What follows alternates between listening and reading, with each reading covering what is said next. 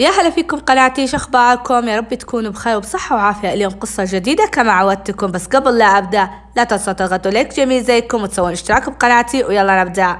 أنا بنت اسمي أريج وعمري 24 سنة. متزوجة من أربع سنوات. تعرفت على زوجي عن طريق زميلتي بالشغل. هو أخوها. كان دايما يجي يشوفها ويسلم عليها ويجيب لها أكل ومن هالحاجات أنا أشتغل باستقبال مع صديقاتي سمر. هذه صديقاتي ما لها دخل بهذا الولد. المهم تعرفت عليه بهذه الطريقة.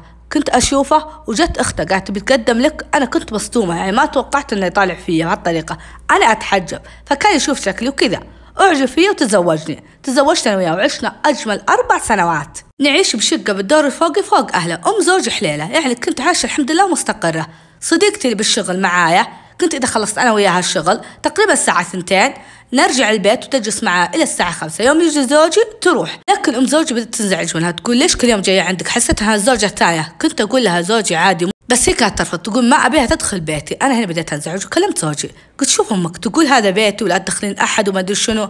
بعدها نايف فعلا راح كلم أمه ومع الوقت وافقت.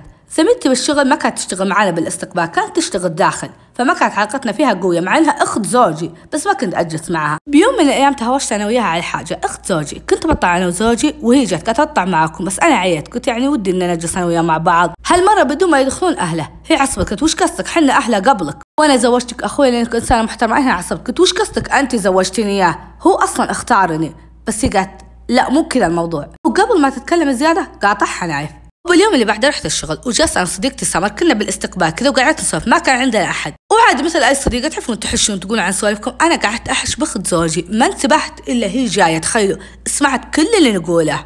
الا تحط الأوراق كذا على الطاولة وتعطيني ذيك النظرة. قالت انتبهي من صديقتك التستس قصدها سمر. يعني ما عاتبتني أنا لا. اشرت على صديقتي سمر اللي أنا وياها من الطفولة مع بعض. الا تعطيها ذيك النظرة وقالت شيء ما يخصك. المهم بعد رجعت البيت ورجعت معايا سمر وسهرنا إلى الليل خليتها تقعد. حتى يوم جاء نايف بس عناد بأهله لأنهم ما يطيقونها. كنا نتفرج على التلفزيون تلفزيوننا ذاك وكنا نتفرج على الأفلام. إلا تقول لي ممكن لابتوب؟ قلت لها ليه؟ قالت أبي بحاجة. جوالي معلق وما أدري شنو. قلت أنا لابتوبي ما يمدي يعني أشتغل مع جوال قلت لها تكفين روحي جيبيه. قمت أنا رحت جبت لها وحطيته وبعدها رحت دوره المياه الله يكرمكم. بعدين رجعت الا الاقي كذا قاعدة تطقطق باللابتوب.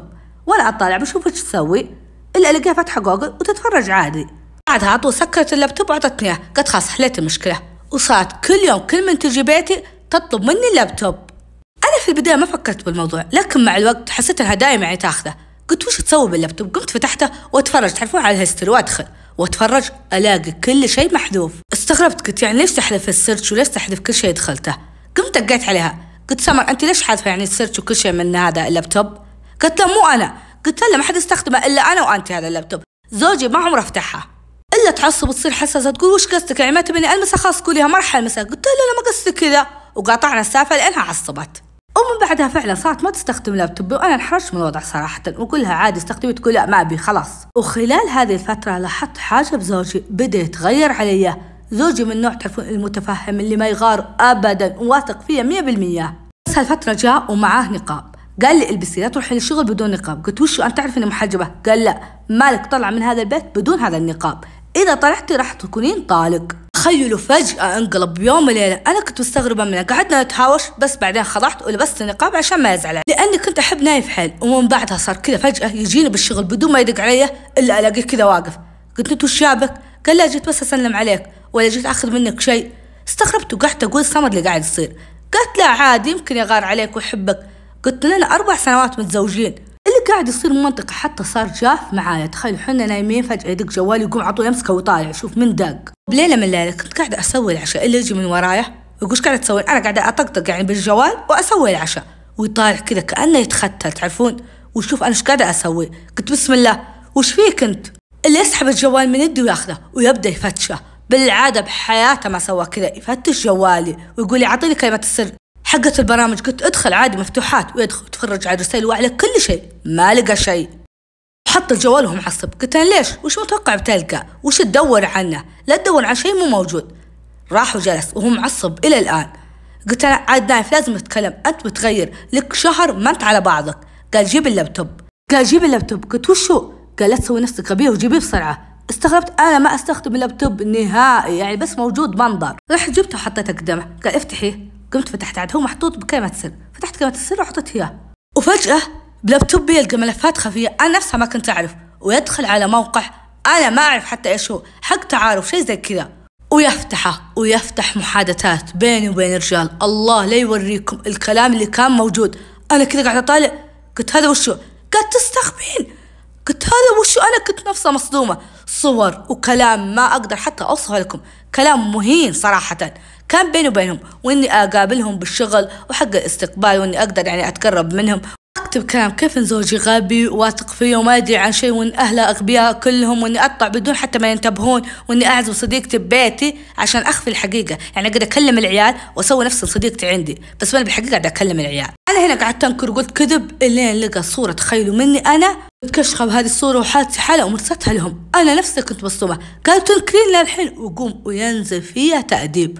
أول مرة بحياته يمد يده علي. فجأة كده حتى ما أعطاني فرصة أبرر أو حتى أستوعب اللي قاعد يصير. قوة بس قدرت أفك منه. فكيت منه ورحت ركض على الغرفة ودخلتها وسكرت بالمفتاح وجاء لحقني. بدي يقول افتحي افتحي ليش خليني أتكلم. قلت لا لا مستحيل أفتح خاف إنه يعني يقضي علي. وقتها حتى جوالي ما كان معه كان بالمطبخ ناسيته. كنت أقول وشو حتى أدق على أحد يجي ينقدني؟ واستمر يدق الباب بصوت عالي خفت إنه يتكسر الباب ويدخل علي. بعد ربع ساعة شكلها يأس لأنه اختفى الصوت تماما. صبرت ربع ساعة ثانية وفتحت الباب على شوي شوي وأنا طالع يمين يسار أشوف نايف موجود ولا لا وأمشي على شوي شوي وأدور جوالي جوالي مو موجود ما يمديني أدق. فتحت باب شقتنا ونزلت تحت على شوي شوي وأنا حرفيا قاعدة أرتعد من خوف وأنزل عاد أرجع شوي شوي. إلا تطلع في وجهي أخت زوجي. أنا هنا قلت يا ويلك الحين بتمسكك قالت تعالي تعالي. وتأخذني على جنب ودخلني غرفتها وتسكر الباب. هنا على طول حطيت يدي على وجهي قلت وين وين لا نايف لا تنادي كنت تخافين قص قص اقصر صوتك. نايف لا يدري إنك هنا. وتسكر الباب بالمفتاح وتبدأ تقول لي السالفه تقول نايف نزل وقال لامي عن كل شيء وقال كيف إنك تخونينه وكيف إنك سيئة. وحتى أنا نزل فيا تأديب لأني أنا اللي خليته يتزوجك. قلت وش قصدك؟ قالت نايف من قبل كان يجي عند الشغل وأعجب بصديقتك سمر مو بك أنتي. قلت وش قاعدة تهبدين؟ وقبل ما أتكلم كلامها حسيت بألم ووجع شديد ما قدرت حتى أوصفه ببطني اللي أقول اصبري اصبري ما أقدر حتى أتنفس. تجي تقرب علي وتقول وش فيك؟ وجهك قلب شاحب. امشي امشي خلينا نروح المستشفى. قلت لها كم لي سالفة. قالت لا امشي امشي. وتقوم تساعدني؟ ونطلع على شوي شوي أنا وياها ونركب السيارة وتاخذني. هنا نايف ركض ورانا ويناديني وينادي أخته ويقوم يركب سيارته ويلحقنا. هو على باله إنها هربات بس هي كانت ودتني المستشفى. وقعد يدق يدق على أخته وأخته ما ترد. إلين وصلنا المستشفى وقفت ونزلت أنا وياها اللي هو ورانا على طول. شافنا إحنا نازلين عند المستشفى وينزل. ويسحبني. قال أنت وين رايحة؟ تبي تولغين علي؟ قلت لا لا. قال وين رايحة؟ ويسحبني؟ قلت أصبر ما أقدر إلا ويغمى علي. وما أصحى إلا والدكاترة حولي ويقولوا لي إني أنا حامل وهذا إجهاد بس. اسالوني أول شيء قال تعرضت لشيء؟ قلت لا طحت مع الدرج. قالوا الحمد لله. الطفل سليم بس المفروض إنك يعني انتبهي لنفسك المفروض إنك من يوم طحتي على طول رحت المستشفى. هم يعني واضح إنهم ما صدقوا لأن يشوفون الرضات بس مشوها لي دقيت على أهلي وجو ياخذوني زوجي ما شفته نهائيا ولا حتى جاي يزورني بال... خلال هذه الفترة أهلي يحاولون يصالحون بيني وبينه لأني حامل يقول لازم ترجعين لزوجك ما يصير تكوني حامل وتتركينه. بس أنا كنت ما أبي أرجع له كنت مددة عليه وما رضى حتى يسمع تبريره أنا أصلا ما أدري من وين جان هالصور هذه الفترة حط سمر نهائي ما دقت عليه ولا شافتني ولا درتني مع إني حاولت أكلمها كم من مرة بس هي ابدا قطعتني ما أدري وش سالفتها. واخت زوجي اعترفت تبي الحقيقة تقول هو شاف سمر واعجب بسمر بس أنا قلت له يا أختك أنت لأن سمر مو كويسة. تقول ألاحظ عيونها دايم برجال وقلت عليها كلام مو موجود. وبطل ياخذها وأخذك أنت. أنا كنت مصدومة. قلت يعني كان معجبة بسمر أول شيء؟ قالت إيوه. وحتى كان بينهم كلام. أنا انصدمت كنت سمر ما قالت لي ولا شيء يعني من بدأ أساسا ما كنت عارفة أنا معجبة فيه. بعدها مرت سبع شهور وأنا إلى الآن حامل وقرب موعد ولادتي. تركت شغلي لأني كنت أخاف أروح شغلي ويلقاني زوجي يقوم علي. المهم خلال هذه الفترة سمر قلت لكم ما تكلمني ولا أنا أكلمها. ما أدري ليه هي انقطعت عني. إلا تجيني بيوم من الأيام وهي منهارة وتبكي وتتأسف مني. قلت وش سالفتك؟ أنا أول ما شفتها على طول طميتها قلت اشتقتك يا بنت؟ وينك؟ وادق عليك ما تردين علي. لا تقول أنا آسفة أنا آسفة. وتقول أنا السبب كل اللي صار. أنا قلت وش السبب؟ وش دخلك؟ اللي مد يده علي ذاك المجنون. أوكي أنا أعرف إنك تحبينه وهو يحبك بس مو ذنبك. قالت لا مو كذا الموضوع. قالت لي بالحقيقة لما أنت أخذتيه عني أنا على بالي إنك أنت سرقتيه. من بعدها حاولت أنساه وبديت اتقبل الوضع. إلا بيوم من الأيام وأنا نازله من بيتك تقول نازله من الشقة حقتي كان هو صاعد. تقول اصطدمنا ببعض. تقول استحيت منه ورجعت كذا الشعلة بيننا. وبدينا نتواصل شوي شوية. وبديت احبه وارجع أتعلق فيه اللي يقول لي لا اللي يسويه غلط وقطع علاقته فيها. وقال لي أنا أحب زوجتي مستحيل أخونها. هنا أنا اشتعلت فيها نيران الغيره وما قدرت أتخطى هذا الوضع وما قدرت أتخطى. وبعدين عرفت إن اخت السوسة قالت علي سوالف وانك أكلم عيني وما أدري شنو وإنك أنت شريفة.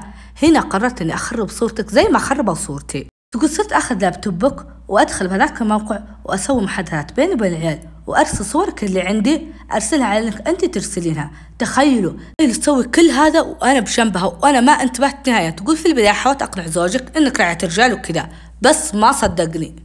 تقول قد زوجتك جميلة وكل الرجال لما يجوا يشوفون وجهها يمدحونها عشان كذا طلبني ألبس نقاب. بعدين لما شفت إن عيلة يرضى إنك تخونينا عيلة يصدق تقول خليت أسوي هذا الدليل. وقمت وقلت له شوف افتح لابتوب زوجتك وادخل على الموقع كذا وكذا بالعضوية كذا وكذا وهذا الرقم. وراح تلقى كل شيء. تقول قلت أنا آسفة وضميري انبني تقول أنا وياها أصلا طول عمرنا نكلم الرجال ونطلع معاهم. تقول قلت بما أنه يشوفني كذا بخليك أنت نفس صورتي. تقول هو صدق بعد ما شاف الأدلة وقام عليك. تقول أنا ما توقعت إنها توصل لهالدرجة. توقعت إنه يطلقك يطردك من البيت. مو يمد ايده عليك وإنك تكونين حامل. قلت تتأسف مني. أنا من صدمة ما قدرت أقول ولا كلمة. طلعت من بيتي وأنا ما حاوشتها حتى ولا عاتبتها ولا شيء وراحت.